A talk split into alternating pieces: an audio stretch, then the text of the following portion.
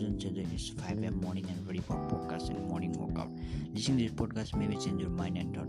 Today I'd like to talk about don't be past 15 be the starting line for the rest of your life. Yes, today tomorrow you worry about yesterday. The problem with the past is that we remember memories we should not, and we don't forget what we should. If your eyes stuck in the rear view mirror, you are stuck in the past. If you are stuck in the past, you are looking ahead. If you are not looking ahead, you cannot hit the mark of your future. Actually, your success doesn't care about your past; it's blinded to it. The success doesn't care that you want don't cloth in your school life. The success doesn't care that you got in a fight with someone and lost. The success doesn't care about your MBA PhD certificate if you are not where you want. Many of relatives said that if you got a bachelor, or master, and PhD certificate, you won the world. I don't care what they said about it. I'm on my way. Success simply doesn't care what you have in the past, what you did in the past. And one and one person only women as past transaction is you. If the success doesn't remember, why should you remember about your past bad situation? Being the fat, stupid, poor doesn't care about success. However, just because your friend call you fat, stupid, poor doesn't make it real. Your past never equal your future unless you value it. Think about a coin flip. No matter how many times it's flipped, the next flip is always random. Probability cannot be attached to a future flip based on the past. Your past is the same. Just because you fail at five relationships doesn't mean you your next will be fail. And if you fail at once or twice or more in your aim, doesn't mean you have to quit. After more try, you can achieve what you want. Especially you learn from them. Just because you flip burgers three hours ago doesn't mean you can be a millionaire next year. Your memories have the same makeup as your choice. They are treasonous, mute, or accelerative. Unlike choice, consequences, you have a choice how your past is classified. The record of the past can be sealed. For example, if you lost your life saving in your student franchise that went bankrupt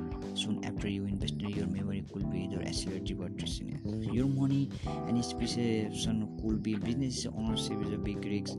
I will never do that again, or next time I'm going to be selling franchises, not buying them. The former is a treason while the latter is accelerative. You have a choice in framing failure or framing the past. It serves or hinders. When you reflect on your own failure, you let them serve you to affect future change. It's a part of your responsibility accountability process. What did you learn? What can you change in the future? What should you forget? You didn't want to repeat those bad feelings and their memories serve your future to affect change.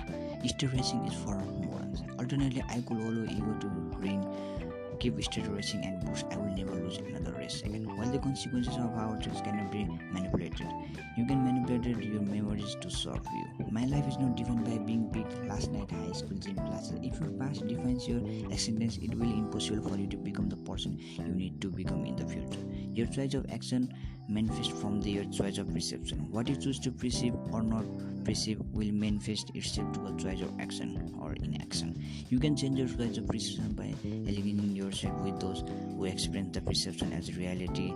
The universe has no memory, only you do. Your past can be accelerated or distant. You choose the classification. I didn't plus two college.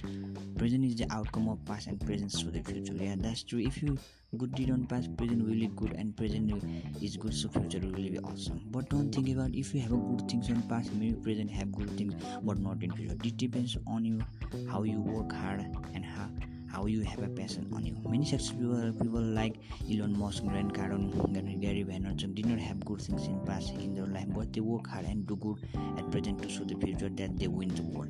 If you are not first, you are last in your life. If your life is judged with past and live with the best bad past performance, success doesn't see what you are in the past. It depends on how you do today and how will you do in the future. If your eyes transfixed to the past, you cannot become the person you need to become in the future. Thank you so much for listening my podcast. Actually do podcast in the morning time to make myself fresh of all day. I hope your day will be good and always keep a smile in your face and get the way of happiness. Be satisfied and be happy what you have. What you have in the past doesn't show the present and future. And work hard and be patient to get what you want. Don't judge what you have in the past. Live in today and make bright future. Live your life. Life is all about happiness.